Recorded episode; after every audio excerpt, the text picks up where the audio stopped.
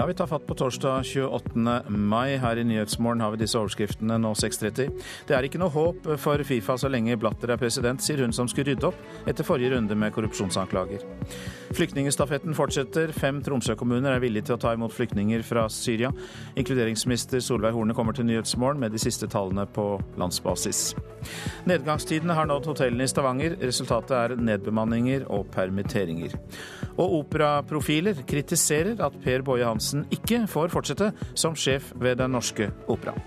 Det tar ofte år før man virkelig ser eh, resultatet av eh, det man eh, dyrker og foredler fram. Så Det er det jeg syns er trist, at man ikke har tilsynelatende den pusten på operaen. Operaregissør Stefan Herheim. Her i studio i dag, Øystein Heggen, og vi åpner med Fifa, for det er ikke noe håp for Det internasjonale fotballforbundet så lenge Sepp Blatter er president. Det sier Alexandra Rage, som fikk oppdrag med å rydde opp i Fifa etter forrige runde med korrupsjonsanklager. I kveld sender NRK en dokumentar som retter et kritisk søkelys mot forbundet, hvor det i går ble kjent at en rekke Fifa-topper er siktet i en stor korrupsjonssak, anklaget for svindel, bestikkelser og hvitvasking. FIFA World Cup is Qatar. Sammen med Russland trekkes den arabiske halvøya i Midtøsten ut til å arrangere fotball-VM. Nå tyder det doble VM-valget for fem år siden på at dette er en av de største korrupsjonssakene i idrettsverdenen. For det luktet korrupsjon, mente kritikerne, og debatten raste. Senere startet Justisdepartementet i Sveits opp etterforskning, og i går ble en rekke Fifa-topper siktet og anklaget for svindel, bestikkelser og hvitvasking. Det sier en av verdens mest kjente antikorrupsjonseksperter, Alexandra Viraj, som også er tidligere ansatt i Det internasjonale fotballforbundet. I dokumentaren 'Fifa, penger og makt' som vises på NRK i kveld, sier hun at det ikke er håp for Fifa så lenge Sepp Latter er president. Da korrupsjonsryktene verserte, ble hun bedt av Fifa om å hjelpe de med ulike reformer, men forteller at hun raskt skjønte at det kun var på papiret. I think when they rejected any transparency around salary was when I began to realize that, that what they were hoping for was the reputational boost without. Fremskritt og positive endringer. Det er Fifa-lovordene for å arrangere VM i Russland i 2018 og Qatar i 2022, som begge får kritikk for brudd på bl.a. menneskerettighetene. For virkeligheten er en ganske annen for de 30 000 arbeiderne i Doha. For hovedstaden i verdens rikeste land, Qatar, er under kraftig renovering. Arbeiderne her er underbetalte, bor under uverdige levekår og har svært dårlige og farlige arbeidsforhold, ifølge dokumentaren. FIFA has ultimate power. Det sier generalsekretæren i det internasjonale fagforbundet Sharon Burrow i dokumentaren som er laget av et av Tysklands største TV- og radioselskap, DPA. Said,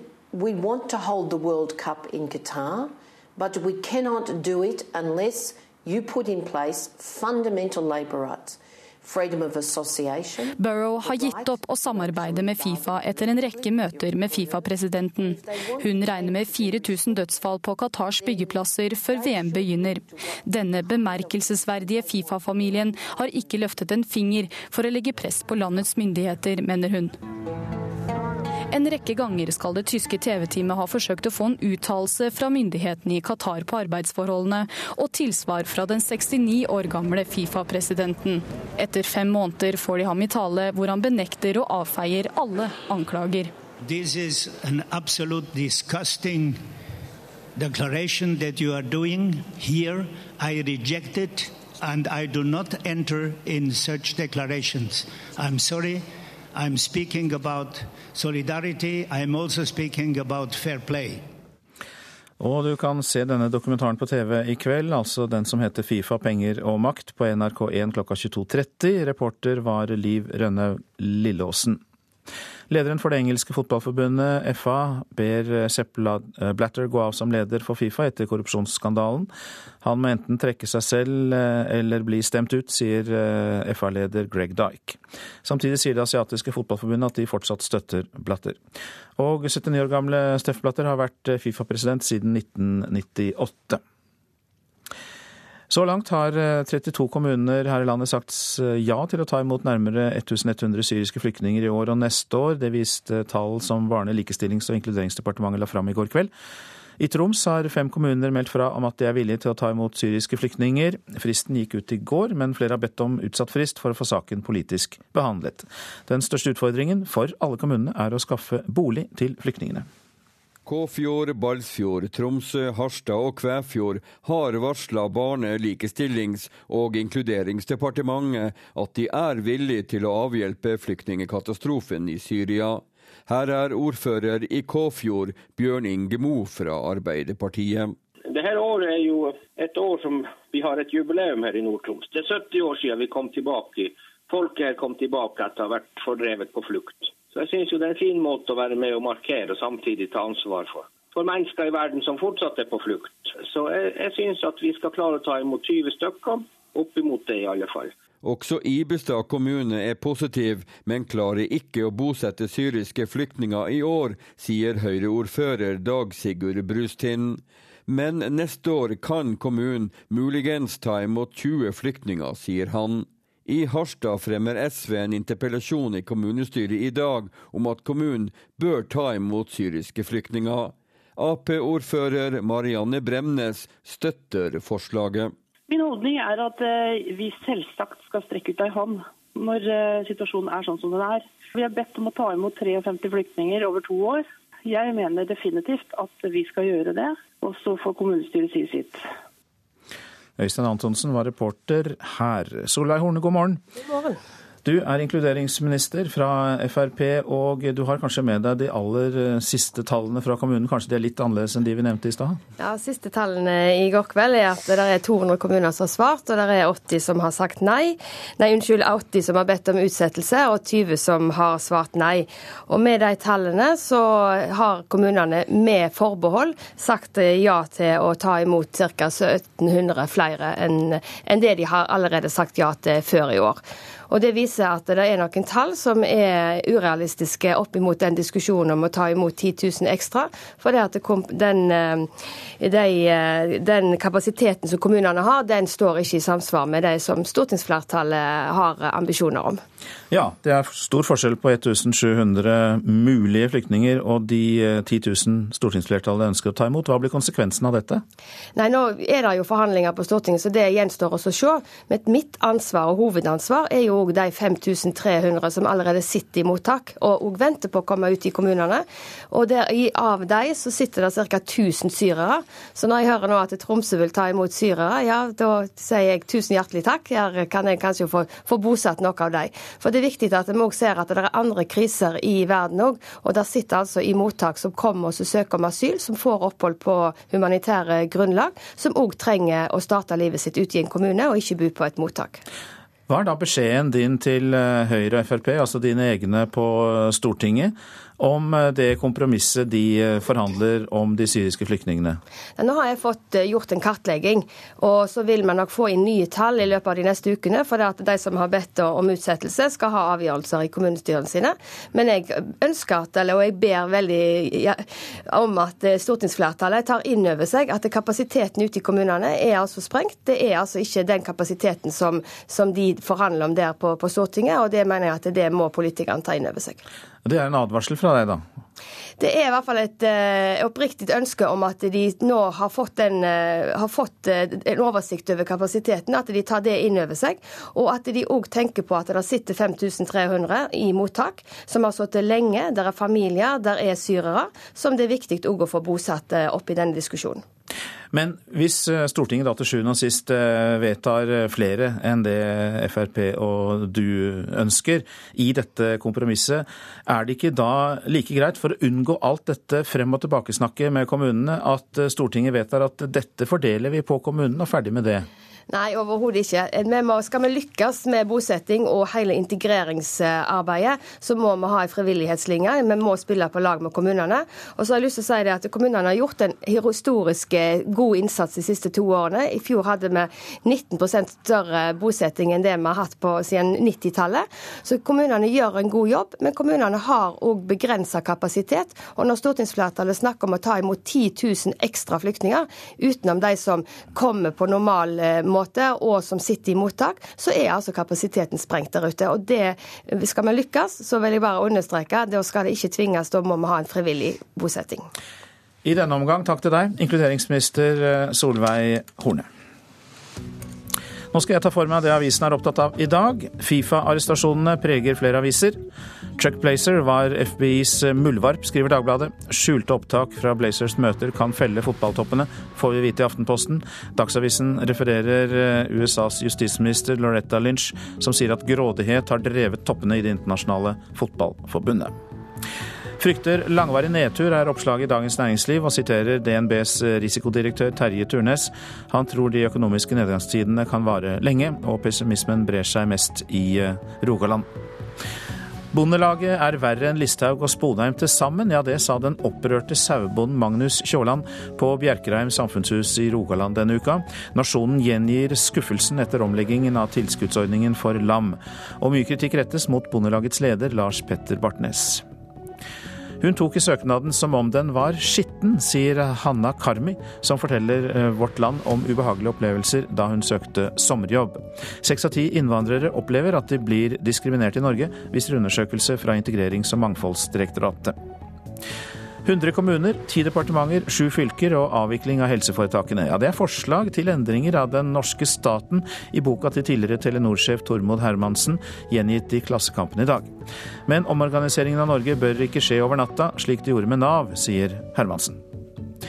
Nå skal oteren reddes, kan vi lese i Fædrelandsvennen. I 50 år har oteren vært utryddet langs sørlandskysten, men nå har fylkesmennene sør for Bergen gått sammen om å etablere oterbestanden på nytt, og Dyreparken i Kristiansand er glad for å kunne hjelpe til. Nesten ingen unge er fornøyd med egen kropp, sier professor i pedagogikk til Dagbladet. Bruk sunn fornuft mot skjønnhetstyranniet, er rådet fra bloggeren Linnea Myhre, som har skrevet bok om sine egne spiseforstyrrelser. Gjør deg klar til supersommer, skriver Nordlys. Nord-Norge har mer godvær og unormalt varmt vær i vente de neste ukene og i begynnelsen av sommeren. Tre direkteforbindelser fra Flesland flyplass til Stockholm er oppgitt på forsiden av Bergensavisen. Og avisen anbefaler avgåtte branntrener Rikard Norling å ta en av dem. Og vi fortsetter med samme tema, for Brann har allerede startet jakten på Rikard Nordlings erstatter. Klubben sparket svensken i går kveld etter en svak start på sesongen i førstedivisjon. Assistenttrener Robert Hauge tar inntil videre over treneransvaret, men konstituert sportssjef Rune Soltvedt sier de har flere de nå vil kontakte. Nå er det at uh, Robert jeg snakket med i kveld, og han har sagt, sagt at han vil ta det ansvaret som ligger i det.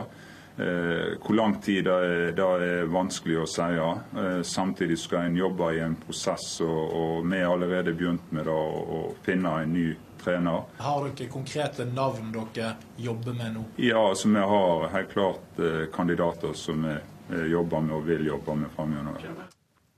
Ja, det var altså um, sportssjef Rune Soltvedt. Og Nordling eh, får jo da sparken nøyaktig et halvt år etter at Brann rykket ned. Slik reagerte han på beskjeden han fikk i går kveld. Litt vemodig. Ehm, det er en ehm, ofantlig fin klubb. Eh, det er en aldeles makeløs fin by. Eh, mye fine mennesker. Eh, organisasjonen er svårslagen. Så um, i det perspektivet så er det vemodig. Angrer du på at du tok jobben? Å oh, nei, ikke i det hele tatt. Dette er Nyhetsmorgen, og der er klokka 6.44. Vi har disse hovedsakene. Det er ikke noe håp for Fifa så lenge Blatter er president, sier hun som skulle rydde opp etter forrige runde med korrupsjonsanklager.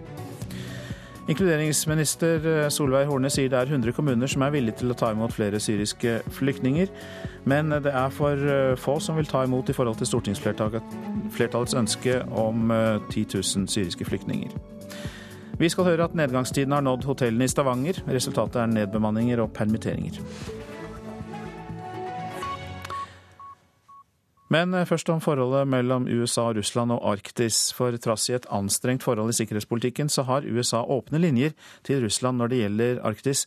Det sier USAs spesialutsending i arktiske spørsmål, Robert G. Papp, til NRK. President Barack Obama gjør nå klimaendringene til en av sine hovedsaker. Samtidig har USA tatt over formannskapet i Arktisk råd. Jeg så sjøl hvordan isnivået var i 1975. Jeg har sett hvordan det er nå, og det er dramatisk endra, sier Robert J. Papp. Admiralen som var pensjonist, men som sa ja umiddelbart da president Obama ba han være spesialutsending i arktiske spørsmål. Vi møter han i Anchorage i Alaska. Her er norske og amerikanske nordområdeeksperter samla for å snakke om hvordan de kan samarbeide framover. Fra talerstolen forteller Papp entusiastisk om USA sine ambisjoner for formannskapet i Arktisk råd.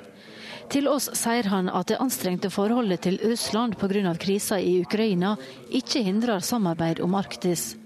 Når USA i senere i år inviterer til arktisk toppmøte i Alaska, er Russland med.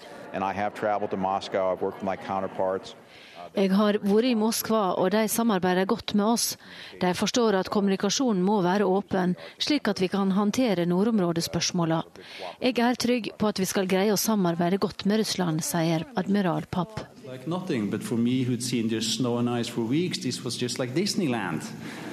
Blant eksperter, forskere og utsendinger finner vi en eventyrer. Børge Ausland rett fra tur på den tredje største breen i Alaska til dress og slips på konferanse. Og med skepsis til hva Arktisk råd kan oppnå for nordområdene. Ja, Hvor stor sånn politisk gjennomslagskraft de uh, har, det er ikke godt å si. Men det hadde jo vært et håp, syns jeg, om eh, Arktisk råd kunne samles f.eks. om å gjøre Arktis til uh, en mer sånn internasjonal altså Sånn som Antarktis er, et beskyttet område. Er det realistisk? Sannsynligvis ikke, for det er så veldig mange forskjellige politiske interesser inne, inne i bildet. I myself can't deal with the world climate issue. I can only focus on the Arctic, but I'm very appreciative that the president is making that an area of his focus. Jeg kan ikke løse det globale klimaproblemet. Jeg fokuserer på Arktis, sier admiral Papp. Men jeg er svært glad for at president Obama har gjort klimaspørsmålet til en av sine hovedsaker. Det hjelper oss med det vi prøver å gjøre i Arktis, sier han. Reporter i Alaska, Kristi Marie Skrede. Norwegian er det selskapet som faller mest på TNS Gallups årlige omdømmemåling. I bunnen ligger også de største tabloidavisene. For to år siden lå Norwegian trygt over gjennomsnittet av selskaper som er med i målingen, men nå befinner selskapet seg nede blant de med aller dårligst omdømme, skriver Dagens Næringsliv. Streiken i vinter får mye av skylda for Norwegians bratte omdømmefall. Hotellene i Stavanger har lagt bak seg en lang periode med høye priser og høyt belegg, men nå har nedgangstiden i oljenæringen også nådd hotellsengene og konferanserommene. Og hva fører det til? Jo, nedbemanning og permitteringer. Vi merker jo at det er nedgang i innbookinger på rom, og litt på, på mat- og drikkebiten på hotellet. Merker det på kurskonferanse òg. Eh, men denne måneden og mars måned var relativt bra. Men det er likevel en, eh, en merkbar nedgang. Sier Katrine A. Vedøy, som er direktør på Victoria hotell i Stavanger sentrum. Siden oktober i fjor har de hatt en nedgang i belegget på 20-25% Det er direkte knyttet til oljenæringen vi merker det for det meste, ja. For jeg ser på tavla her over dagens kurs og konferanser, så er det tannleger og helsepersonell fra Bergen som er på besøk? Ja, det stemmer. Og så har vi en del fra kommunen og fylkeskommunen, Utdanningsforbundet og forskjellige offentlige etater som òg har møter her. Og overnatting. Og de dårlige tidene går også utover de ansatte. Det siste året har hotellet måttet kutte fem årsverk. Eh, ingen oppsigelser. Vi har to permitteringer, og så er det har vi vært heldige, men en del som de som har slutta, har vi ikke erstatta. Fem årsverk, kan vi vel si. Det er klart at eh, det er jo en alvorlig situasjon for, for flere av hotellene i, eh, i Stavanger. Wenche Salthelle i NHO Reiseliv på Vestlandet forteller om en omsetningssvikt på 20-30% for Stavanger-hotellene, som har vært vant med høyt belegg og gode priser så langt. De har vært bortskjemt kan man si, da, i mange år med å ha den høye aktiviteten på forretningsmarkedet, altså på olje, oljenæringen. Slik at det har jo vært fulle hus i Stavanger. altså ons, Tirsdag og onsdag har jo nesten vært umulig å få hotellrom i, eh, i Stavanger tidligere. Mens nå er jo, det, er jo ikke det noe problem lenger. Jeg har seks års eh, snart erfaring fra å jobbe på, i fagforeningen, og jeg har aldri vært borti den situasjonen i, i uh, hotellbransjen tidligere, nei. Også Emma Vatne i Fellesforbundet Stavanger merker at det har blitt usikre tider for ansatte på hotellene i oljebyen. Annerledes, veldig annerledes enn hva det var for et år siden. Det er helt sikkert utrygghet og ja, usikkerhet i forhold til hvordan situasjonen kommer til å utvikle seg videre. En helt annen stemning kan man jo egentlig si enn det pleier å være, eller som vi er vant med. At det er optimismen har blitt fortrengt litt for pessimismen, kanskje. I tillegg til usikkerheten i nedgangstidene betyr oljekrisen at de ansatte som er igjen på hotellene, også må springe fortere i de travle periodene, sier Vatne. Altså Et hotell har jo på en måte noe de skal eh, tilby eh, en gjest, og det forventer man jo fremdeles er der etter, etter nedbemanningene. Da må de jo se på omorganisering, hvordan de skal få det til å gå rundt. Reporter i Stavanger, Øystein Otterdal. Det er en feiltagelse ikke å forlenge Per Boje Hansens kontrakt som operasjef ved Den Norske Opera. Det mener to av Norges største internasjonale stjerner i operaverdenen. Orkesterdirigent Eivind Gullberg Jensen tror ledelsen ved operaen kan komme til å angre på at Boje Hansen må gå. Nei, jeg er egentlig helt sjokkert Eh, at den må gå så tidlig. Det var stor, stor overraskelse og skuffelse. Slik reagerer den norske stjernedirigenten Eivind Gullberg Jensen på at operasjefen ikke får forlenga åremålet sitt når det går ut i 2017. Han får støtte fra den norske regissøren Stefan Herheim, som står bak oppsetninger på alle de store operahusene i Europa. Som vi vet er ikke kunst en eh, sosial, sosialdemokratisk anliggende, og det er ikke alltid like bekvemt i rammen av en større institusjon å følge disse visjonene. Men det er det det handler om til syvende og sist. Så man må ha lang pust. Og det tar ofte år før man virkelig ser resultatet av det man dyrker og avler og foredler fram. Så Det er det jeg syns er trist, at man ikke har tilsynelatende den pusten på operaen. Jeg har et veldig sånn helt konkret oppgave, og det er å få til flere operaforestillinger på hovedscenen. Mer produksjon, og ikke minst få flere nye egenproduksjoner. Sa Per Boje Hansen til NRK i 2011, da han presenterte visjonene sine som ny operasjef. I løpet av de siste fire åra har Hansen fått igjennom flere nye og til dels kontroversielle prosjekt. Det største prestisjeprosjektet var kan hende den nyskrivne operaen Per Gynt av Jori Reinvere.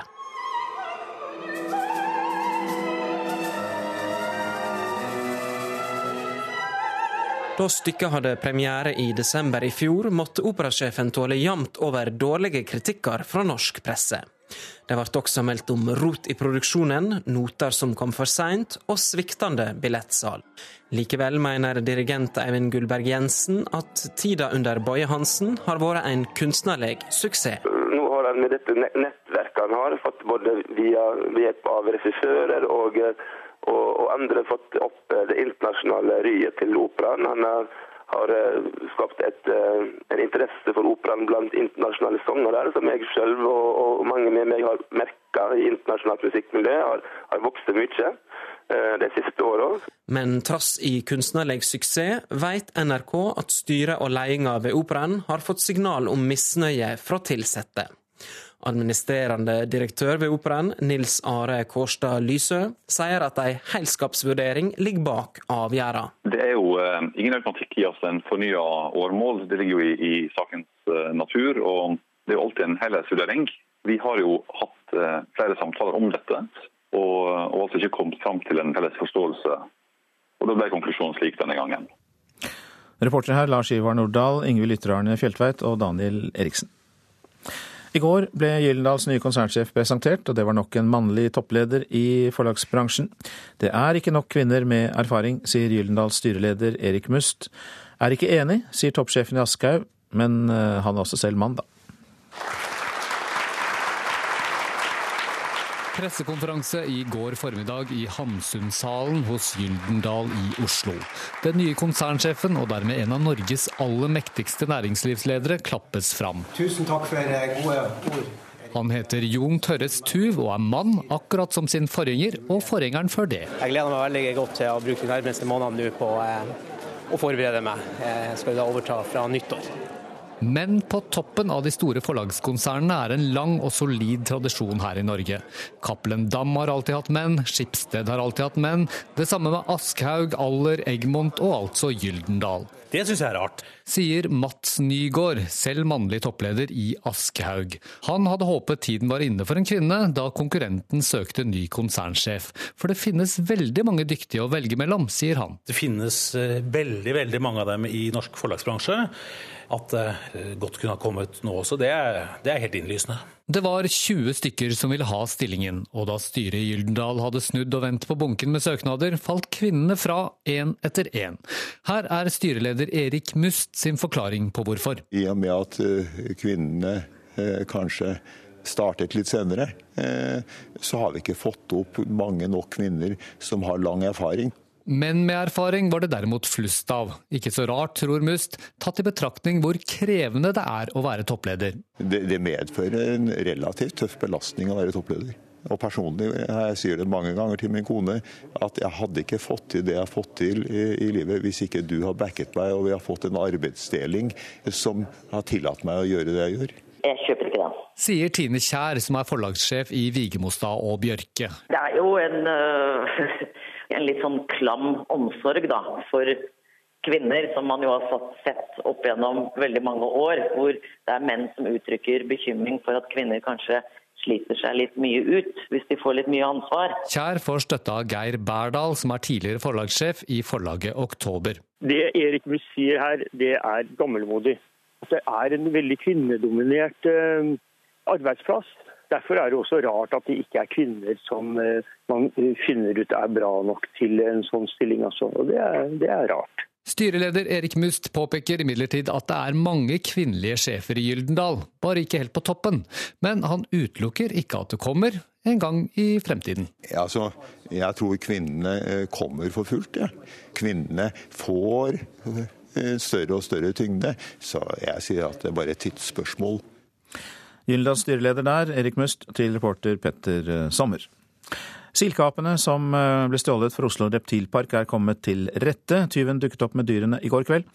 Oslo reptilpark opplyser på sin Facebook-side at en anonym og angrende synder har levert apene tilbake, og at dyrene ser ut til å være i god fysisk form. Silkeapene, som heter Harald og Nano, er preget av opplevelsen og nervøse, men fikk en varm velkomst tilbake i flokken, opplyser Reptilparken.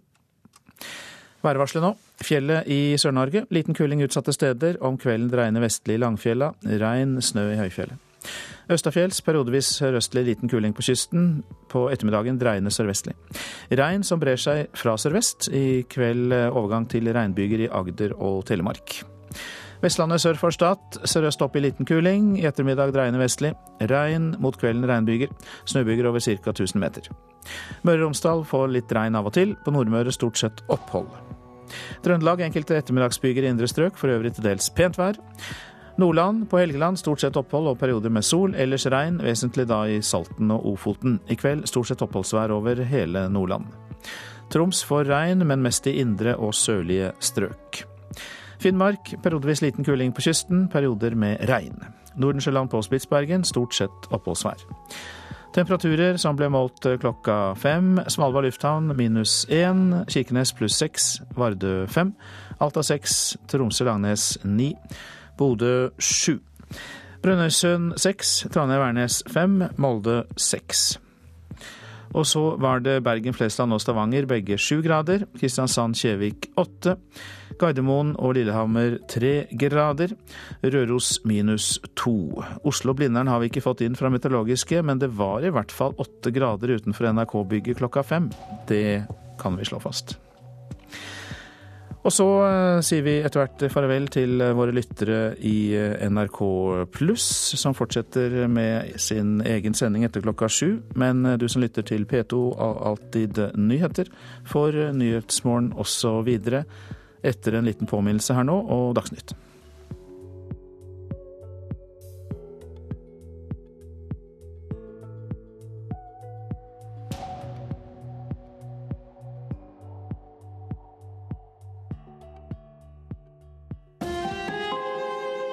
Hør ekko.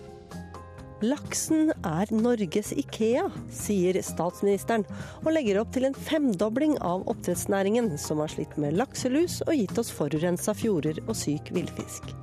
Hvordan skal vi få fem ganger så mye oppdrettsfisk uten disse problemene? Ekko 9 11 i NRK P2. Flere tenåringer enn før inngår ruskontrakter for å slutte å bruke cannabis. Innbruddstyver truet barnefamilie med våpen i sin egen bolig i Østfold i natt. Her er NRK Dagsnytt klokken sju. Flere og flere tenåringer inngår ruskontrakter med politiet for å slutte med cannabis, selv om ingen vet om det virker. Ifølge tall fra Ungdata har én av ti videregående elever brukt cannabis minst én gang på et år.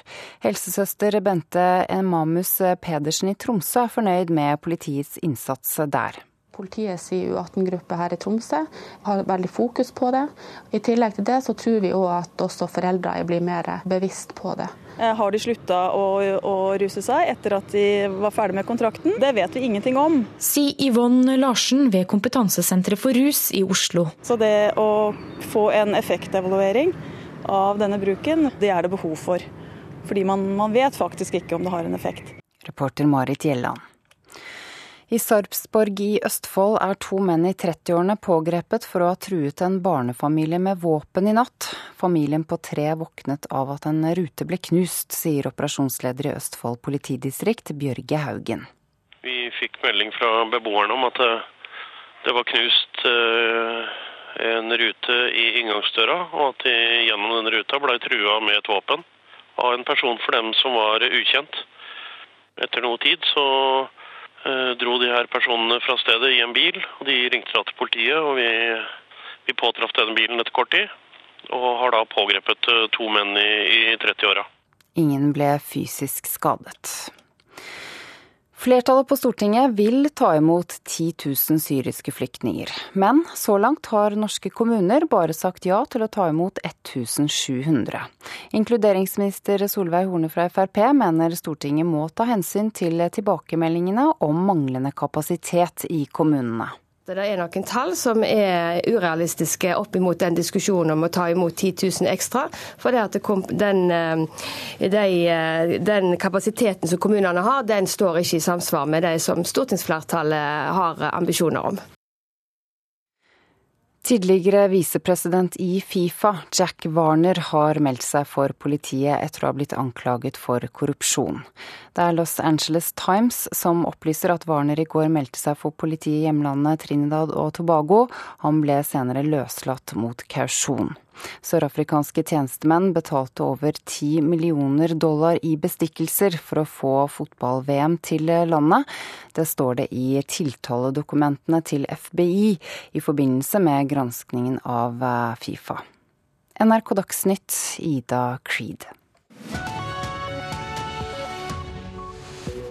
Her i Nyhetsmorgen skal vi høre hvilke erfaringer politiet har med ruskontrakter for tenåringer, som vi hørte om i Dagsnytt nettopp. Oppsiktsvekkende gode nyheter, sier Fremtiden i våre hender etter at oljefondet skal trekke seg ut av kullselskaper. Et Fifa-medlem fikk 10 millioner dollar for å gi fotball-VM til Sør-Afrika. Vi får høre flere pikante detaljer fra den amerikanske etterforskningen. Og vi er verdensmestere i å føle velvære her i landet. Det er nå slått fast i en internasjonal undersøkelse. Ja, stadig flere tenåringer inngår altså ruskontrakter for å slutte med hasj, men ingen vet om det egentlig virker.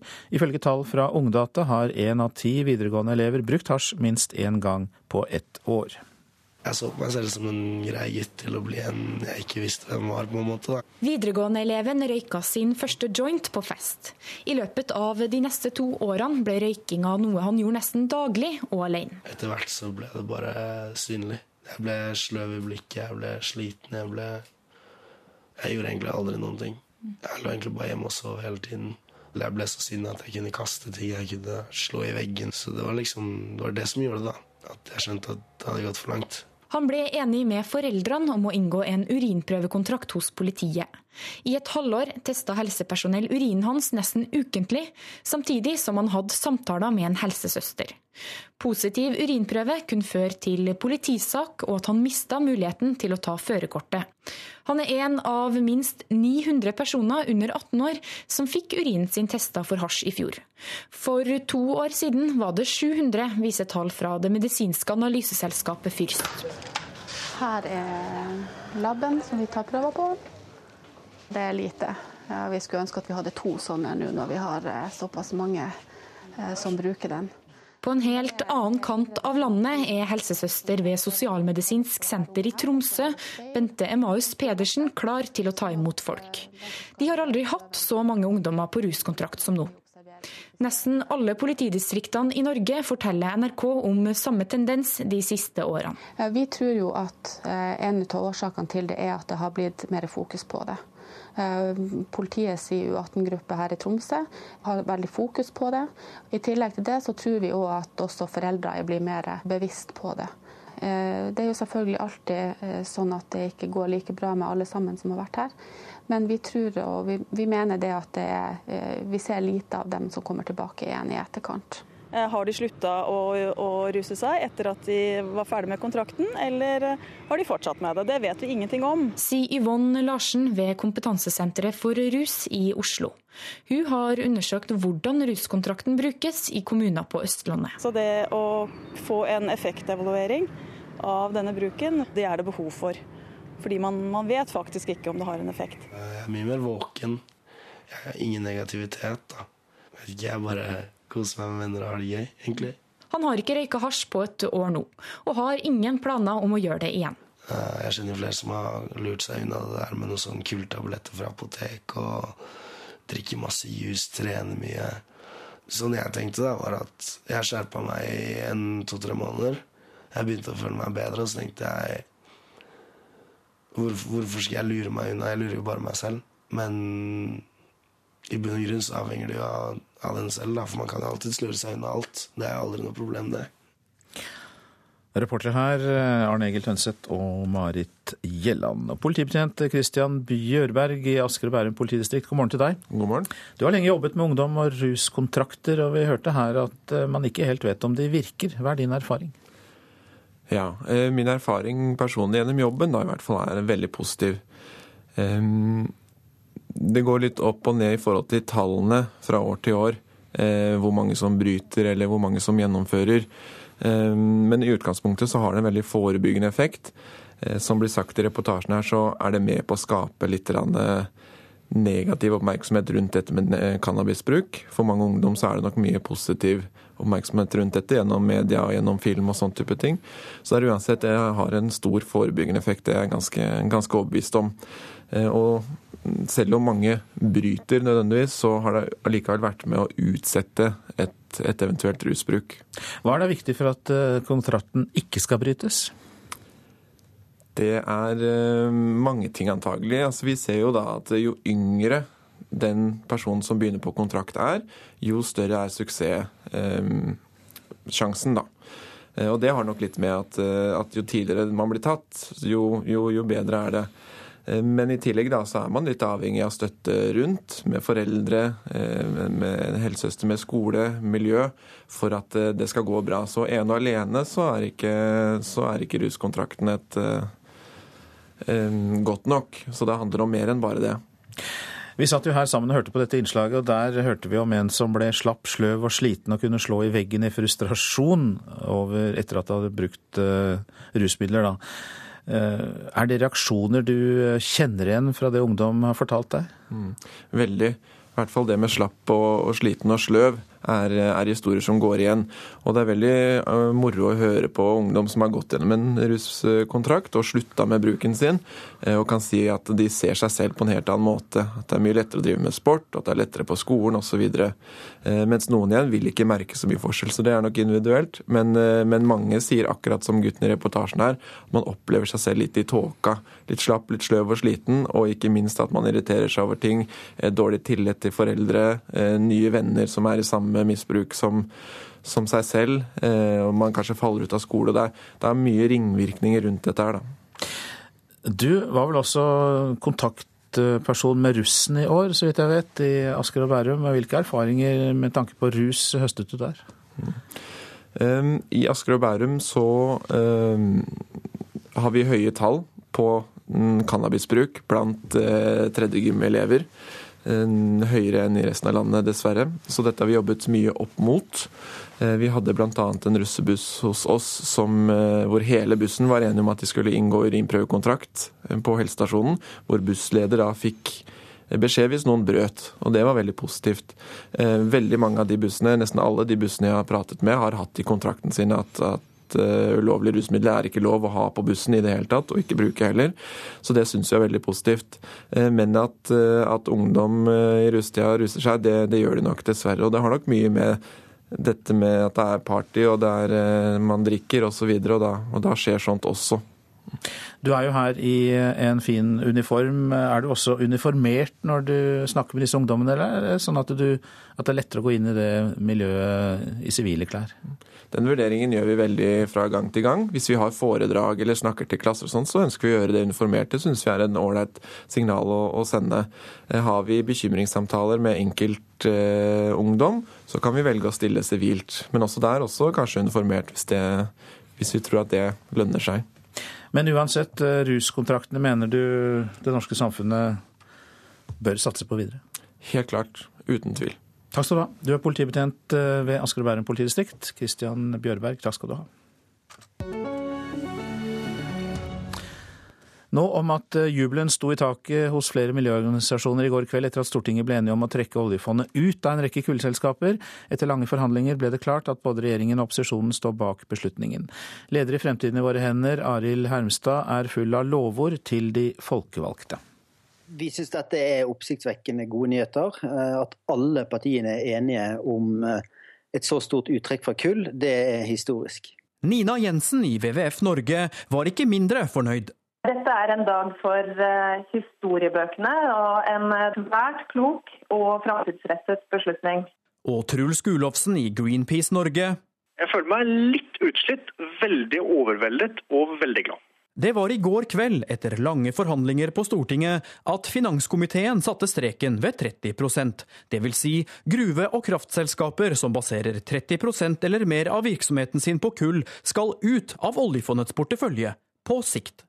For Venstres Terje Breivik sier et viktig poeng er å gi aktuelle selskaper en sjanse til å redusere kullbruken, før oljefondet eventuelt selger seg ut. Dette er jo et uttrekkskriterium som skal bidra til at selskapene eh, blir mindre avhengige av kull. Og vil jo for fondet utgjøre en, eh, et ris bak speilet, for å få fortgang i prosesser som bidrar til det. Ifølge anslag fra Finansdepartementet vil om lag 40 av oljefondets rundt 7000 milliarder kroner omfattes av kullkriteriet. Regjeringspartiene, og særlig Fremskrittspartiet, strittet lenge imot å pålegge oljefondet en egen kullgrense. Men stortingsrepresentant Tom Holte fra Frp sier seg likevel fornøyd med at grensen ikke ble satt lavere enn 30% og at komiteen foreløpig ikke vurderer å trekke oljefondet ut av andre bransjer. Det er det som er frykten har vært, at man skal legger veldig mye stempel gjennom åra i eh, den årlige meldinga om SPU. Slik at man får inn stadig flere nye selskaper som skal trekkes ut av olje f.eks. Eh, det kan være mange ting en kan tenke på som, eh, som man ville kunne ønske å trekke seg ut av. Reporter her var Halvard Norum. Klokka den passerte nettopp 7.13. Dette er hovedsaker. Stadig flere tenåringer inngår ruskontrakter for å slutte med hasj, men ingen vet om de egentlig virker. Politiet i Asker og Bærum har høstet gode erfaringer med kontraktene, sa politibetjent Christian Bjørberg her i Nyhetsmorgen nettopp. Vi hørte at miljøorganisasjonene er svært fornøyde etter at Oslo eh, oljefondet trekker seg ut av kullselskaper. Flertallet på Stortinget vil ta imot 10 000 syriske flyktninger, men så langt har bare har kommunene sagt ja til å ta imot bare 1700. Og det må Stortinget ta hensyn til, sier inkluderingsminister Solveig Horne. Nå om at et Fifa-medlem fikk 10 millioner dollar fra Sør-Afrika slik at landet skulle få fotball-VM i 2010. Og eh, han er en av Fifa-toppene USA ønsker utlevert fra Sveits. Detaljene fra den omfattende etterforskningen USA har drevet av organisasjonen i tre år, har begynt å lekke ut. og eh, de er uh, mer enn pikante. Around 2004, bidding began for the opportunity to host the 2010 World Cup, which was ultimately awarded to South Africa. But even for this historic event, FIFA executives and others corrupted the process. USAs justisminister Loretta Lynch avslører hvordan styremedlemmer i Fifa solgte sine stemmer da Sør-Afrika fikk tildelt fotball-VM for 2010. En av disse stemmene tilhørte Jack Warner fra Trinidad og Tobago, og den kostet 10 millioner dollar. Warner stemte på Sør-Afrika i 2004 etter at han hadde turnert de tre finalistlandene for å se hvem som ville betale mest. Denne praksisen var business as usual i Fifa, hevder etterforskerne her. Som nærmest ved en tilfeldighet snublet over Fifa-skandalen for fire år siden. De skulle etterforske organisert kriminalitet i Russland. Men så dukket noe annet opp. Snart ble det klart at internasjonal fotball er blitt styrt av noe som kan ligne mafiaen på Sicilia, hevder USAs ferske justisminister Loretta Lynch, som nok nå har sikret seg en plass i historiebøkene. Amerikanske myndigheter fant ut at Fifa-toppene har brukt USAs bankvesen til å hvitvaske penger neppe så veldig lurt. Charles Chuck Blazer has been one of the most powerful men in the soccer world. For å få tak i flere bevis brukte amerikanske myndigheter en mann, amerikanske Charles Blazer, som ble sparket fra Fifas styre i 2013. Også han har deltatt i korrupsjonen. Men han hadde også et annet problem. Blazer failed to report taxes on $11 million between 2005 and 2010. Blazer hadde unnlatt å betale skatt i USA av 11 millioner dollar. Han ble avslørt og inngikk deretter en avtale om å samarbeide med etterforskerne her. Han inviterte Fifa-topper til møter i London og lot Justisdepartementet avlytte disse møtene. Slik skaffet etterforskerne seg mange nye bevis. Blazer vil bli stilt for retten han også, men får strafferabatt. Flere detaljer vil utvilsomt dukke opp de neste dagene. For gårsdagen var bare begynnelsen, understreker justisminister Loretta Lynch. This Department of Justice is determined to end these practices, to root out corruption and to bring wrongdoers to justice. Denne reportasjen var laget av USA-korrespondent Tove Bjørgaas. Vi vender oss til en annen korrespondent, eh, nemlig Åse Marit Befring, som er i Zürich i Sveits. Og hva er de siste informasjonene du har om politiaksjonen mot Fifa? Jo, I natt norsk tid så meldte Jack Warner, altså han som mottok 10 millioner dollar for at Sør-Afrika skulle få tildelt eh, lekene i 2010. Han meldte seg for politiet i LA. Eh, han sa i går at han ikke ønsket å ha noe med denne etterforskningen å gjøre, og at han var uskyldig, eh, men han har altså nå meldt seg for politiet. I går så spurte jeg generalsekretær i Fotballforbundet og tidligere toppsjef for den sørafrikanske ligaen, nemlig Kjetil Siem, hva han tenker om det som har kommet frem om denne tildelingen av VM i Sør-Afrika, da han også var i landet. Det er jo selvfølgelig forferdelig trist hvis også dette mesterskapet har blitt kjøpt og har kommet på, til Afrika på denne måten. Afrika fortjente det og leverte et fantastisk mesterskap. og Hele verden ville at Afrika og Sør-Afrika skulle få det. etter at de ikke fikk det tysk, et, mot Tyskland i 2006. Så hvis det nå skulle vise seg at eh, det liksom komme dit pga. det samme igjen, på en måte, så, så kan jeg bare si at jeg syns det er forferdelig trist. Ja, Det sa Kjetil Siem til deg og også Marit Befring. Kommer denne kongressen til Fifa til å gå av stabelen som planlagt? Ja, Fifa-kongressen kommer til å åpne som normalt i dag. Men det er nok også det eneste normale man kan regne med at eh, denne kongressen vil være. Fordi alle delegatene som er her nå, de snakker bare om én ting. Kan vi avholde valg på ny president, eller må vi utsette det? Og Det europeiske fotballforbundet skal møtes senere i dag. De har bestemt seg for at de ønsker å boikotte avstemningen hvis den blir gjennomført. Og Foreløpig så ser det jo ut til at det er Fifas standpunkt. De mener at det er Eh, viktig å gjennomføre programmet som, som, eh, normalt, men veldig mye av den samtalen som kommer til å pågå i dag, vil nettopp rette seg mot det. Eh, så er det noe du har plukket opp i korridorene som tyder på at det blir gjenvalg av Sepp Latter, tross alt? Altså, Hvis eh, valget går som normalt, så er det jo han som er den store favoritten. Man mente jo at han satt trygt på tronen og at han ville gå på en femte runde. Eh, men spørsmålet er om, om det europeiske fotballforbundet får med seg flere av de andre forbundene i, i, andre, i andre verdensdeler, og at de rett og slett må utsette dette. Det får vi først svaret på senere i dag. Mange takk. Også Marit Befring, vår korrespondent som er i Zürich i Sveits. Nå om at Norge kommer aller best ut av en internasjonal undersøkelse om folks velvære.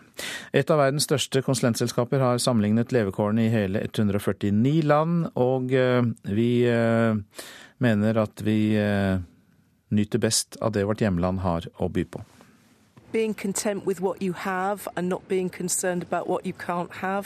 Velvære er å være fornøyd med det du har, og ikke tenke på det du ikke har, sier denne kvinnen NRK treffer på gaten i London.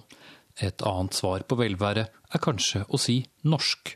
Iallfall hvis vi leser den siste rapporten fra det globale konsulentselskapet Boston Consulting Group, som ble sluppet i natt. Det er nemlig ett land som topper velværestatistikken igjen. Norway gets the best score. Ja, Norge skårer høyest, forteller selskapets administrerende direktør Douglas Beal når han presenterer rapporten her i London. De har sammenlignet 140 land ved å se på ti forskjellige faktorer som inntekt, utdanning, helse og infrastruktur.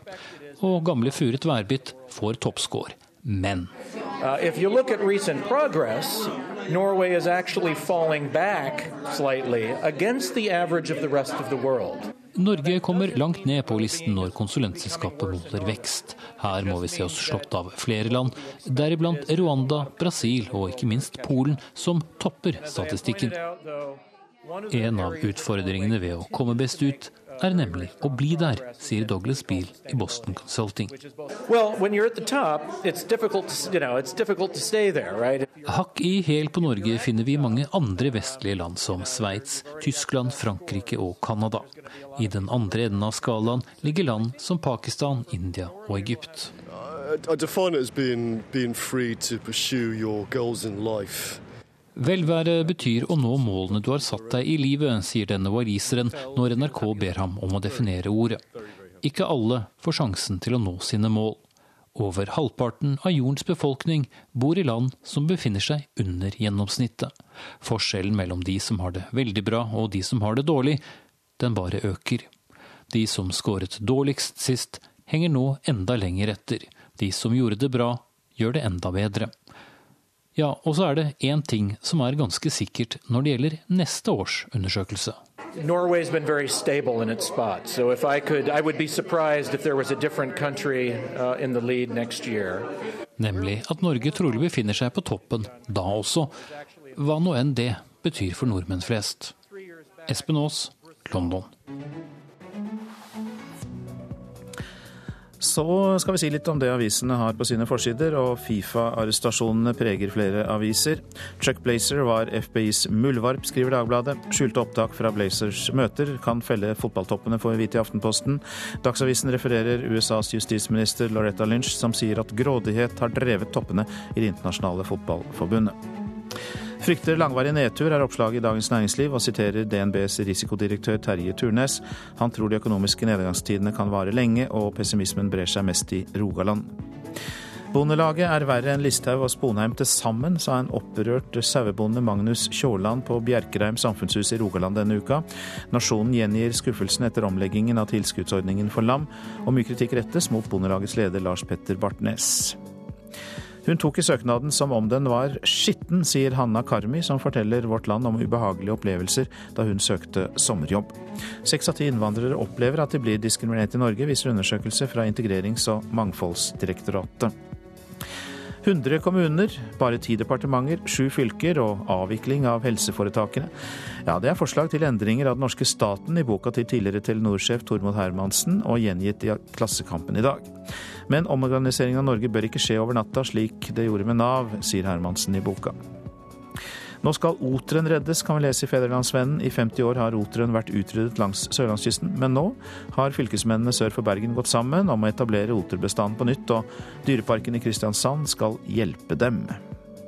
Nesten ingen unge er fornøyde med egen kropp, sier professor i pedagogikk til Dagbladet. Bruk sunn fornuft mot skjønnhetstyranniet, er rådet fra bloggeren Linnea Myhre, som har skrevet bok om sine egne spiseforstyrrelser. Gjør deg klar til supersommer, skriver Nordlys over hele sin forside. Nord-Norge har mer godvær og unormalt varmt vær i vente de neste ukene og i begynnelsen av sommeren. Tre direkteforbindelser fra Flesland flyplass til Stockholm er oppgitt på forsiden av Bergensavisen. Avisen anbefaler at avgåtte branntrener Rikard Norling tar en av dem. Nå om at det i dag skal være en stor nasjonal markering av at det er 75 år siden gjenerobringen av Narvik 28. mai 1940. Slaget varte i to måneder og var svært dramatisk, og ble den første allierte seieren under andre verdenskrig.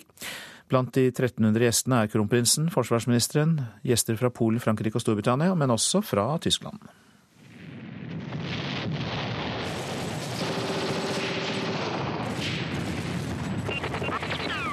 Dette er lyden av kamphandlinger under andre verdenskrig. I Narvik kjempa britiske, franske, polske og norske styrker skulder ved skulder. Forfatter av boka 'Narvik 1940', Oddmund Joakimsen, kjenner Narviks krigshistorie bedre enn de fleste. Han forteller om døgnet da de tyske og østerrikske invasjonsstyrkene ble jaga fra Malmbyen. Det var utrolig dramatisk. Det var et utrolig tøft slag med mange, mange falne på alle sidene. og med et voldsomt bombardement fra britiske marineskip som lå ute i rombakken, og masse kanonstillinger fransk, på fransk eh, og norske batterier som lå på øyjord. Det var eh, torden og, kruttrøyk og, røyk fra ild i, i, den tørre lyngen. Det var veldig høy temperatur den dagen, oppi 25 grader. Så det var, et, det var en skikkelig ildmørje og rop og skrik og spetakkel. Kanskje ikke så rart at Narvik ble et navn i internasjonale nyheter i 1940. Og når gjenerobringa skal markeres i dag, så kommer også mange utenlandske gjester til byen. Blant dem den polske kulturministeren og flere ambassadører. Også Tyskland er representert ved den tyske ambassadøren og militærattachéen uproblematisk, med en prosjektleder i Narvik, Randi Melgaard. Eh, ja, Tyskland er jo en av våre nærmeste allierte i Norge. Og eh, når vi hadde markeringen i 2010, så kom jo også Tyskland. Eh, og da ba de om unnskyldning for det som var skjedd under, under krigen. Blant gjestene i Narvik i dag er også 700 norske soldater. I 1940 var soldatene i infanteriregiment 15 blant dem som var med og gjenerobra Narvik. Oddmund Joakimsen hadde sjøl en far som deltok som norsk soldat i slaget om Narvik. Han håper at det nå endelig kan bli Narviks tur til å få sin fortjente plass i krigshistorien. Ja, altså I den norske krigshistorien er jo etter min mening, og det er vel ikke bare min mening, det mener jo det i hvert fall de fleste som bor nordpå, mener jo det, at den er jo særdeles underkommunisert.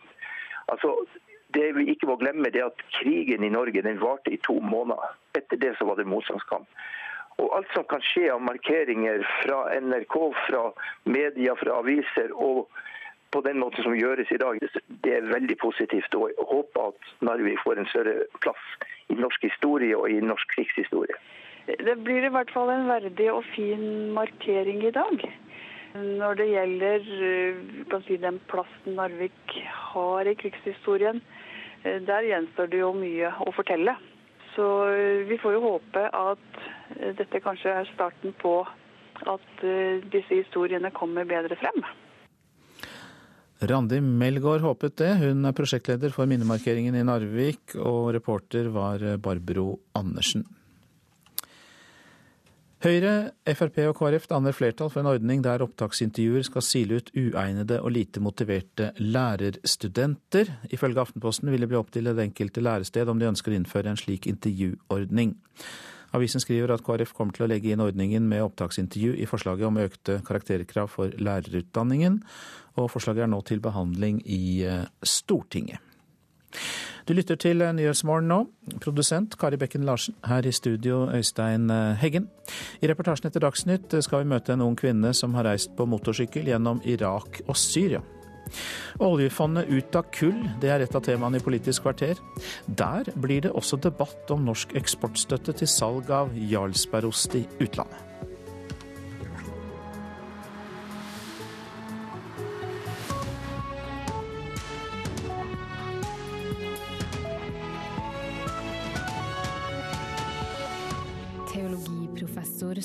Stålsett jobber for likekjønna ekteskap i kirka. Det har satt deler av Kristen-Norge i kok. Sjøl sier han jo alltid at Gud er på de utstøttes side. Men hvor var det han ble så sikker på det? Endelig skal noen ta oss med tilbake til Latin-Amerika. Salongen 17 18 på NRK P2.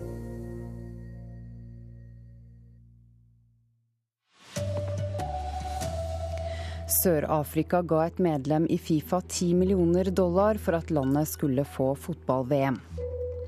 Flere og flere tenåringer inngår ruskontrakter for å slutte å bruke cannabis. I bunn og grunn så avhenger det jo av, av den selv, for man kan alltid sløre seg unna alt. Det er aldri noe problem, det. Miljøorganisasjonene jubler etter at Stortinget i går ble enige om å trekke oljefondet ut av kullselskaper. Her er NRK Dagsnytt klokken 7.30. Et medlem av det internasjonale fotballforbundet Fifa fikk 10 millioner dollar fra Sør-Afrika, slik at landet fikk fotball-VM i 2010. Han er en av Fifa-toppene USA nå ønsker utlevert fra Sveits. Detaljene fra den omfattende etterforskningen USA har drevet av organisasjonen i tre år, begynner nå å lekke ut, og de er mer enn pikante. Around 2004, bidding began for the opportunity to host the 2010 World Cup. Which was ultimately awarded to South Africa. But even for this historic event, FIFA executives and others corrupted the process. USAs justisminister Loretta Lynch avslører hvordan styremedlemmer i Fifa solgte sine stemmer da Sør-Afrika fikk tildelt fotball-VM for 2010. En av disse stemmene tilhørte Jack Warner fra Trinidad og Tobago, og den kostet 10 millioner dollar.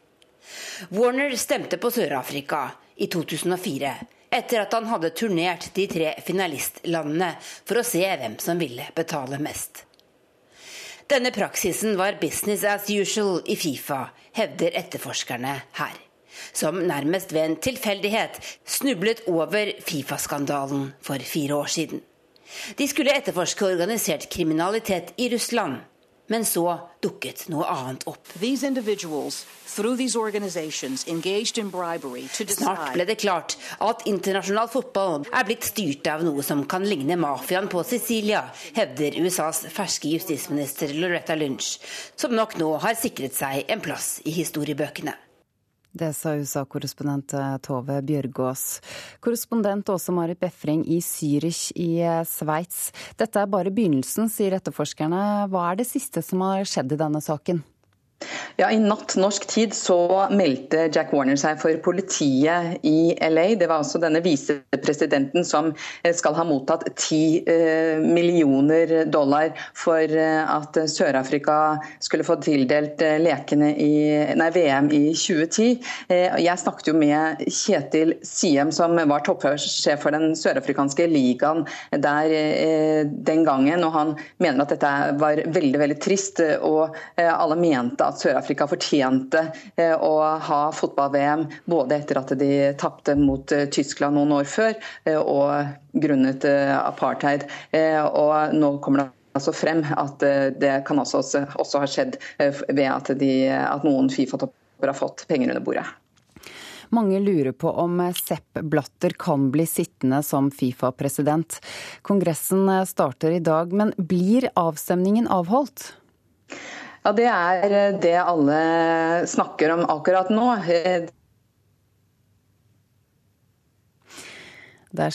Men eh, det europeiske fotballforbundet Uefa har eh, sagt at de mener at man bør boikotte en slik avstemning i så fall. De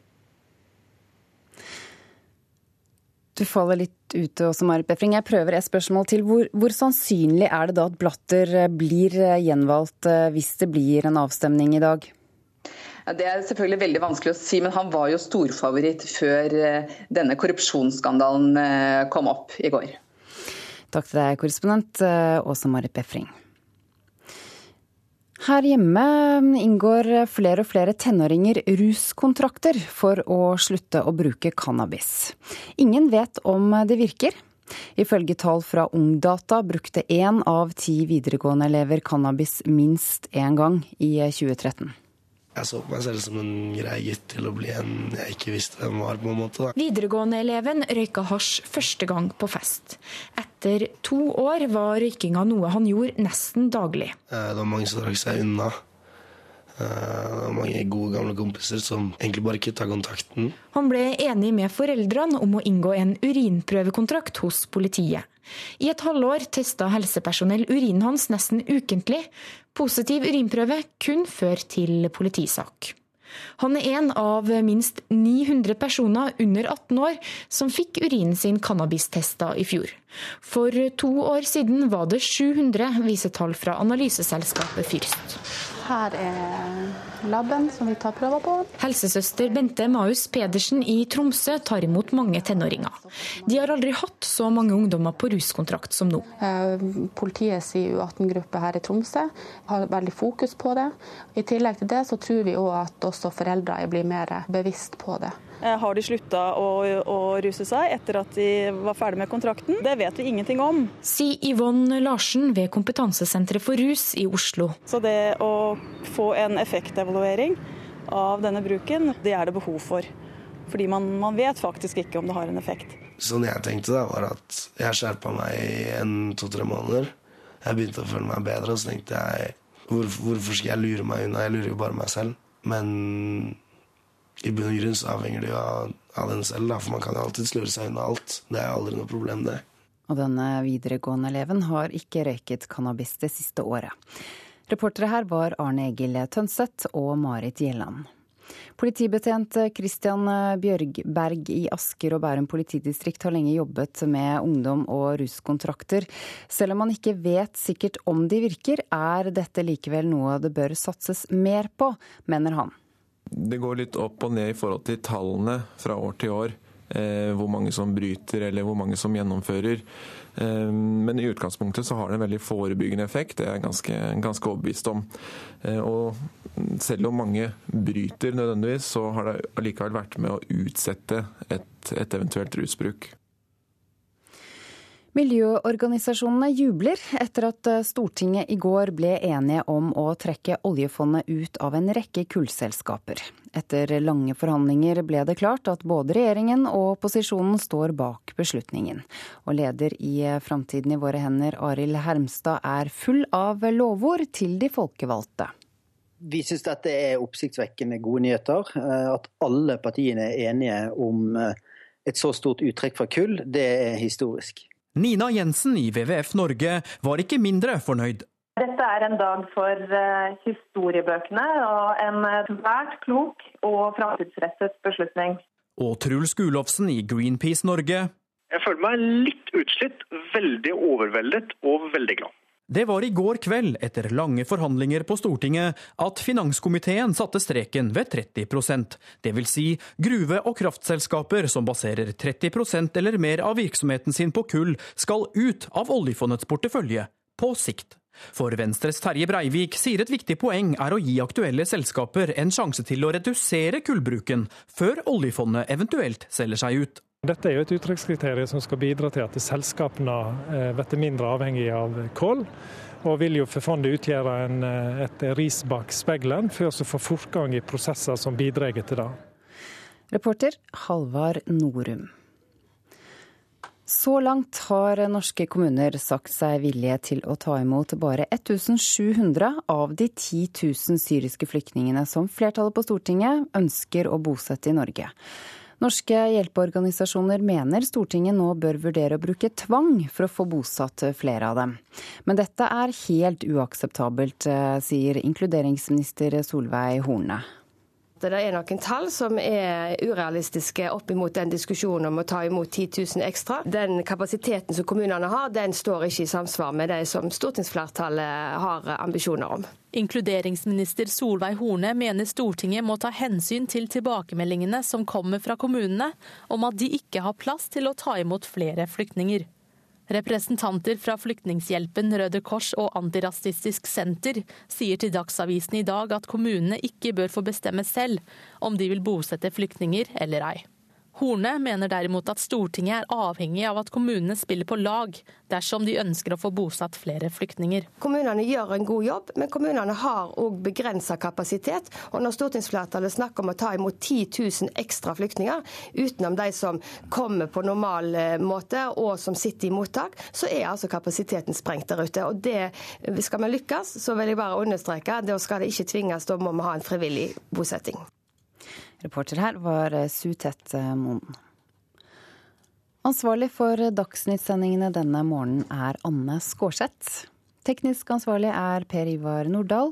Jeg heter Ida Creed.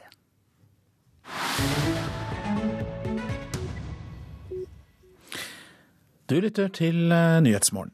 Har du en drøm, så er den mulig å realisere. Det beviste en ung sveitsisk kvinne som bestemte seg for å reise gjennom både Syria og Irak på motorsykkel.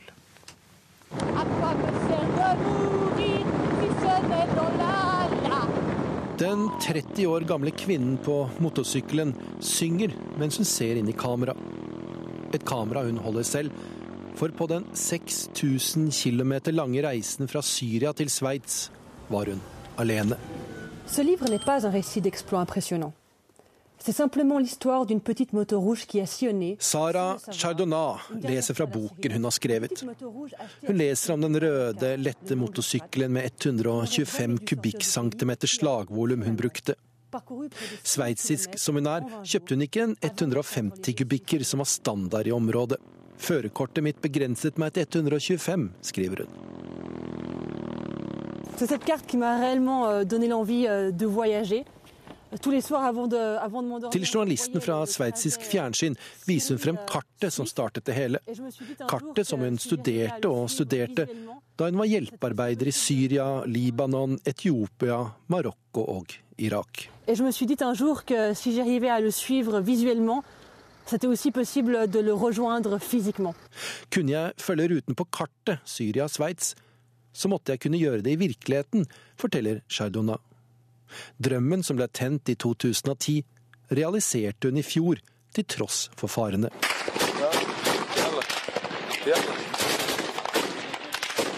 Verdenssamfunnets øyne er i juni 2014 rettet mot Kurdistan og forsvaret av byen Erbil. IS, som vi da kalte ISIL, har tatt Mosul og virker ustoppelig. Rett bak frontlinjen kommer rød, lett motorsykkel moto euh, en 2014, alors que Daesh était euh, cet été à une vingtaine de kilomètres Å kjøre gjennom Erbil mens styrkene fra IS sto 20 km unna, var først og fremst for å vise motstand, forteller Chardonnay. Den lange sykkelturen med de obligatoriske mekaniske problemene og de lange pausene inneholdt ikke mye dramatikk. Boken gjenspeiler dette. Det er mer møtene med folk som er det dominerende. Euh, euh.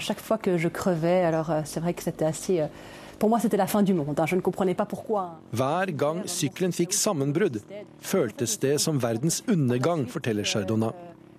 Men det skulle vise seg at det var akkurat disse sammenbruddene som førte til møtene med lokalbefolkningen. Hun skriver om vennlige mennesker, hjelpsomme mennesker, som alltid ga henne et smil, selv om katastrofen hadde kommet til landet deres.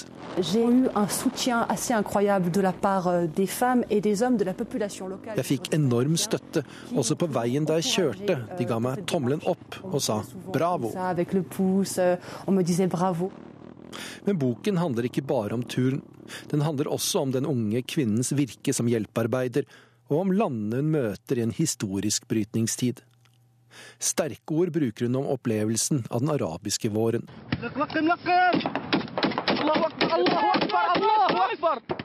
Kamphandlinger mellom opprørere og den syriske hæren i utkanten av Damaskus i 2012. Den unge kvinnen var i byen da den arabiske våren først kom til landet, og så ble til en borgerkrig. Hun forteller om studentene som ikke var interessert i demokrati, som mente det ikke var noe å kjempe for. Det som er noe å kjempe for, ble hun fortalt, var en jobb slik at de kunne kjøpe mat. Dette enkle faktum greide ikke våre journalister å fange opp, er budskapet fra Chardonnay. Våre journalister har et vestlig syn på demokrati og forstår ikke hva som motiverer folk i Midtøsten. Det sa reporter Halvard Sandberg. Dette er hovedsaker i Nyhetsmorgen. Sør-Afrika ga et medlem i Fifa 10 millioner dollar for at landet skulle få fotball-VM. Så langt har norske kommuner sagt seg villige til å ta imot kun 1700 av de 10 000 syriske flyktningene som flertallet på Stortinget vil bosette i Norge. Flere og flere tenåringer inngår ruskontrakter for å slutte å bruke cannabis, men ingen vet om slike kontrakter virker. Miljøorganisasjonene jubler etter enighet på Stortinget i går kveld om å trekke oljefondet ut av kullselskaper. Nå til Politisk kvarter. Der er Bjørn Myklebust programleder.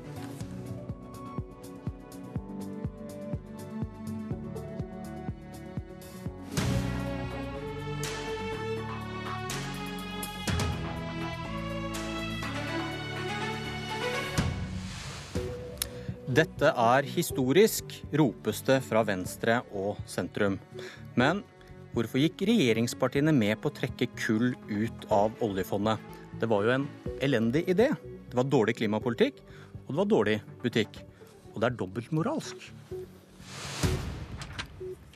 Da er eventuelt alle dobbeltmoralister i dag.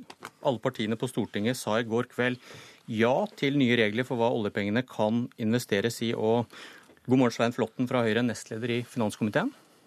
Morgen. Å slutte å investere i kull, men fortsetter kulldriften på Svalbard, det er dobbeltmoral, sa Høyre til Arbeiderpartiet. Hva sier Høyre nå?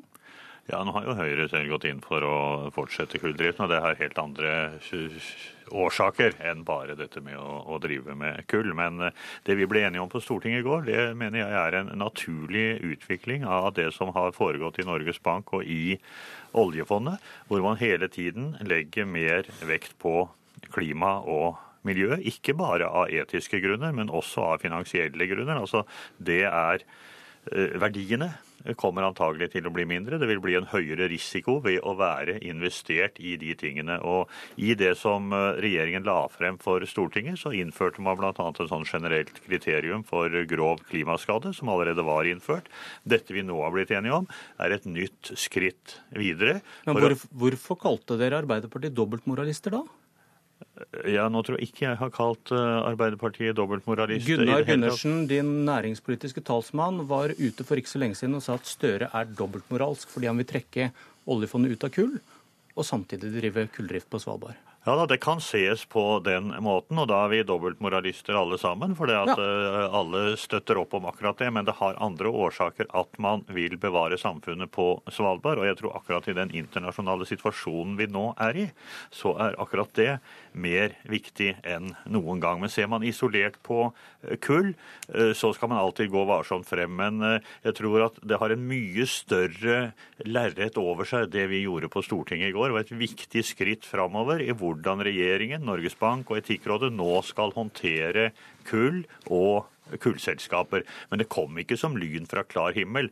Det er en utvikling som har gått over tid, og som ikke bare har kommet fra press fra opposisjonen. Det har også vært arbeidet med fra de forskjellige regjeringer opp mot den siste meldingen som nå kom. Men oljefondet som klimapolitisk verktøy vil være både uheldig og lite effektivt, argumenterte Høyre. Ja, og det er noe helt annet enn det du sitter og sier nå. Nei, det vi, det vi, sa ja til i går, det var ikke at Stortinget sa ja til at dette skulle være et klimapolitisk verktøy. Vi ga et veikart, en anvisning til regjeringen, som igjen skal eh, ta dette videre i Norges Bank og Etikkrådet. Hvordan skal vi håndtere et uttrekkskriterium som gjør at ikke vi har investert i den typen selskaper av en viss størrelse? Så kommer regjeringen tilbake og sier hvordan de vil eh, operasjonalisere dette.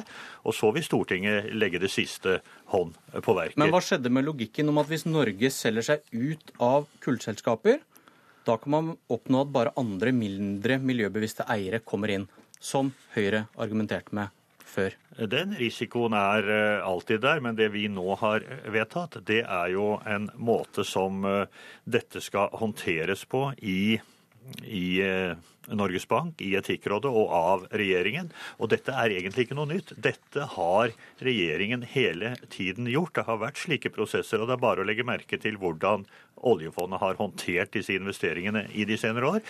De faller hele tiden. Og det er fordi at det er ikke bare en klimarisiko, det er en betydelig finansiell risiko. Er det noe Høyre er opptatt av spesielt, så er det finansiell risiko. Vil du kalle dette historisk? Ja, jeg syns uh, ikke vi skal bruke så de altfor store ordene. Men det som er, det som er historisk, uh, eller det som er en gjentagelse av historien, det er at når vi endrer på eh, reglene i oljefondet, så har det alltid stått et bredt flertall bak i Stortinget. Utviklingen her har hele tiden vært bredt politisk forankret. Det er det også denne gangen. Og det er det aller viktigste, at ikke vi får en betydelig splitt, og at eh, Stortinget instruerer oljefondet skråstrek regjeringen. Hans Olav Syversen, leder i finanskomiteen og parlamentarisk leder i Kristelig Folkeparti. Mange brukte store ord om denne enheten i går. Hvilke velger du i dag? Ja, jeg syns for ansvarlig forvaltning i oljefondet, så vil jeg si dette var et, eh, en historisk dag i går. Eh, og det begrunner jeg med to forhold. Vi har i løpet av dette året da fått ett generelt kriterium for uttrekk uansett kilde, dersom det er miljøskadelig i, betydelig grad. Så har vi gått da enda lenger når det gjelder kull, fordi det kommer i særklasse når det gjelder miljøskade som produkt altså et eget uttrekk for produktet kull. Og Der har Stortinget satt en så klar målsetting som 30 eh, av miksen i et selskap eller av inntekter, eh, at jeg vil velge å bruke ordet historisk om den enigheten. Men kan, kan grunnen til at Høyre og Frp ble enige med dere, at det ble et litt uthulet vedtak? Nei, jeg kan ikke si at dette er et uthulet eh, vedtak. Det er en veldig sterk målsetting, men vi følger jo det, de prosedyrer vi vanligvis gjør. Stortinget setter målsettingen. Regjeringen skal sørge for at dette blir operabelt. Og så får vi beskjed i budsjettet hvordan de har tenkt å gjøre det, var det operabelt. Var det flertall for å sette grensa på 25% selskaper som baserer sin drift på 25% kull? Det vet jeg ikke, for det er ikke det vi har diskutert. Vi har Hvor mange diskutert... selskaper hadde blitt rammet da? Vi har nå sett på ikke hvor mange selskaper som blir rammet, for det er noe av det viktigste i dette. At vi sier Men Det har dere vel visst? Uh, jo, vi vet, vi, vet vi vet en del milliarder, men poenget er jo at det uttrekket som vi snakker om, det skal skje hvis selskapene ikke endrer atferd. Og det er jo noe av det viktigste i dette. Én ting er å si at ja, vi trekker oss ut. Og så kan det komme en annen eier som ikke bryr seg om det. Men det jeg håper, det er jo fordi dette skal gjelde for framtida, at når oljefondet og Stortinget nå har gitt denne klare markeringen, så vil selskapene skjønne at nå må vi endre atferd, ellers så trekker viktige investorer seg ut. Og da oppnår jo vi noe konkret med dette vedtaket, nemlig at selskapene endrer sin atferd og bruker mindre kull og dermed sørger for at det blir eh, et bedre klima. Og som du vet, og som lytterne vet, 2015, slutten av dette året, så skal eh, verdens ledere til Paris og fortelle hva de har tenkt å gjøre. Og jeg syns dette er et veldig gledelig budskap Norge kan komme med. Flåten, så var det vel godt for det borgerlige samarbeidet å ikke bli overkjørt av sentrum og de rød-grønne? Eh, det var godt for hele fondet og for hele samarbeidet om en viktig sak i Stortinget at det ble så bred enighet. og Det er jo bare å legge merke til at enigheten er jo ikke bare på det borgerlige samarbeidet. Det er Arbeiderpartiet, det er hele, det hele spekteret av partier som står samlet om det. Og det er fordi at alle partiene på Stortinget vet at eh, på et eller annet tidspunkt så kommer også de i regjering. Da må man ha en ansvarlig forvaltning i dette fondet, og da må man legge regler som kan være praktikable, på en ansvarlig måte. Takk for La oss ikke undervurdere at oljefondet som et av verdens største fond, dette kommer til å gi et kraftig signal som jeg tror får mye større innvirkning enn bare for vårt eget oljefond. Vi får se. Takk for at dere kom.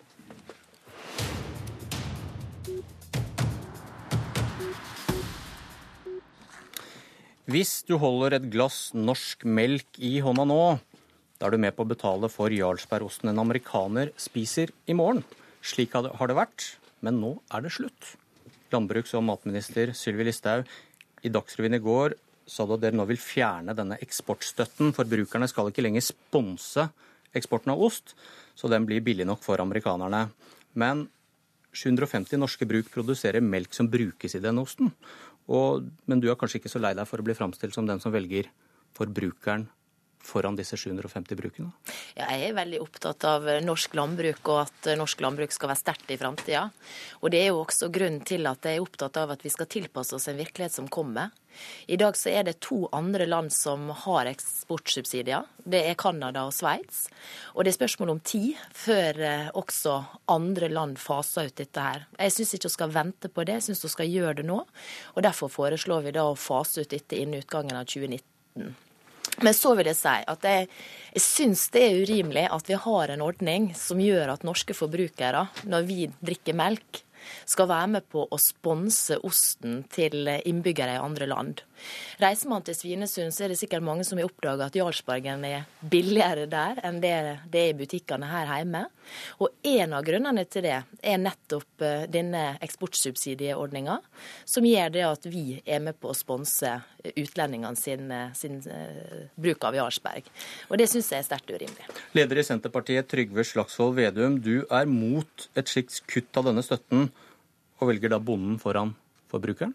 Det er et uh, massivt uh, angrep på norsk melkeproduksjon. Altså, det er jo nesten 10% av norsk melkeproduksjon som blir ramma. Det er produksjon i Agder-fylkene Telemark, Vestfold, Buskerud og Akershus som skal da fases ut innen 2019. Så det er snakk om flere tusen arbeidsplasser i landbruket, i næringsmiddelindustrien, i leverandørene til det. Så det er et, det er et kjempestort grep. Og så er jo den historieframstillinga som Listhaug kom med her, også svært tendensiøs. Også når du spiser en laksebit også, så betaler vi en avgift, og vi bruker mye mer penger for å fremme norsk lakseeksport eller sjø sjømateksport, over en halv milliard. Er det vi bruker til å fremme norsk landbrukseksport på 130 millioner kroner, som da ikke er statsstøtte. Så vi har en ordning ordninger for ulike næringer for å fremme eksport, fremme norsk industri, norske arbeidsplasser.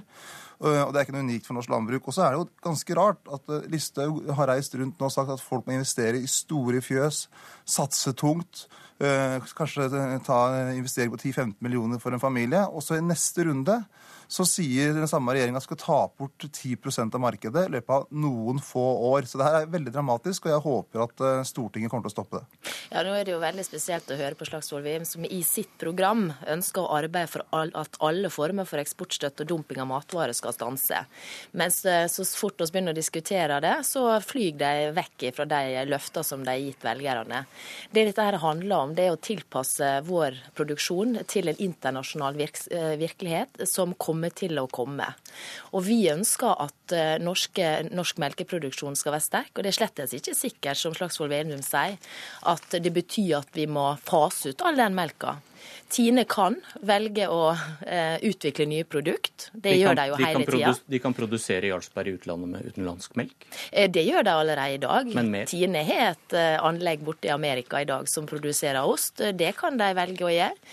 Men Tine er også eid av norske bønder. Dermed så har de muligheten til å finansiere denne eksporten sjøl, dersom de ønsker det. Jeg syns i hvert fall det er helt urimelig at det er vi som forbrukere som skal finansiere det. og Derfor så vil vi nå bruke noen år på å fase ut dette. Så vil jeg bare si at Vent litt. Vedum, eh, hun gjennomfører bare Senterpartiets politikk? Ja, men Listhaug må jo lese hele programmet. for det, Vi har jo skrevet at innenfor en ny internasjonal handelsavtale, der hvert land får både en rett og plikt til å produsere egen mat, med de rammene det trengs, så bør man også avskaffe muligheter for eksportsubsidier. Mens her er det jo at man skal gjennomføre bare en, en, den type endring ensidig fra Norge, uten at ethvert land har rett og plikt til å produsere egen mat. Det er bare tiltak for å bygge ned norsk industri, norsk matproduksjon. I dag har vi større import av melkeprodukter til Norge enn det vi eksporterer. Og så er det akkurat den samme ordninga vi har når det gjelder eh, på fisk. Altså Vi bruker over 500 millioner kroner som blir dratt inn fra norske forbrukere, inn over norske eksportordninger, som brukes til å fremme eksport av fisk. Når det gjelder da mjølk, så er det 130 millioner kroner. Mens, mens denne regjeringa konsekvent går til angrep på de ordningene som bidrar til å fremme norsk eh, matproduksjon basert på landprodukter og fremme norsk næringsmiddelindustri. Dette er snakk om flere tusen arbeidsplasser. Og jeg skjønner ikke at Listhaug tar så lett på det. At når 10% av produksjonen skal fases ut, og du veit hvor mange som jobber i næringa, når du veit hvor store kapitalinvesteringer er, og så ser du det bare som en Det er ikke mitt problem. Det får næringa ordne opp sjøl. Og så får heller folk bli arbeidsløse. Det kan du ikke mene som ansvarlig statsråd. Investere i dag, og så legger du ned i morgen. WTO har altså oppfordra land som fremdeles bruker eksportsubsidier, til å utfase det. Og det er bare tre land igjen. I tillegg til Norge så er det Canada og Sveits. Vi gjennomfører det som man internasjonalt nå, i land etter land, har gjennomført. For det andre så er det sånn at det, når Senterpartiet styrte i åtte år, så forsvant det 6500 bruk. I snitt så er det 800 bruk hvert eneste år. Og det vi snakker om her, er å fase ut en ordning over fire år. Bruke tid sånn at dette rammer norske bønder minst mulig. Så er det da eh, Tine, som er eid av norske bønder, som er, eh, sånn sett bruker denne melka som eksporterer denne osten. De står fritt til å velge å subsidiere dette sjøl, betale for eksporten sjøl. De står eh, da også fritt til å utvikle nye produkt, men det jeg vil ha slutt på, er at det er norske forbrukere som skal finansiere eksporten av norske Jarlsberg til utenlandske garner. Vår tid er ute, dessverre, Slagsvold Vedum. Sylvi Listhaug fikk siste ord. Dette var Politisk kvarter.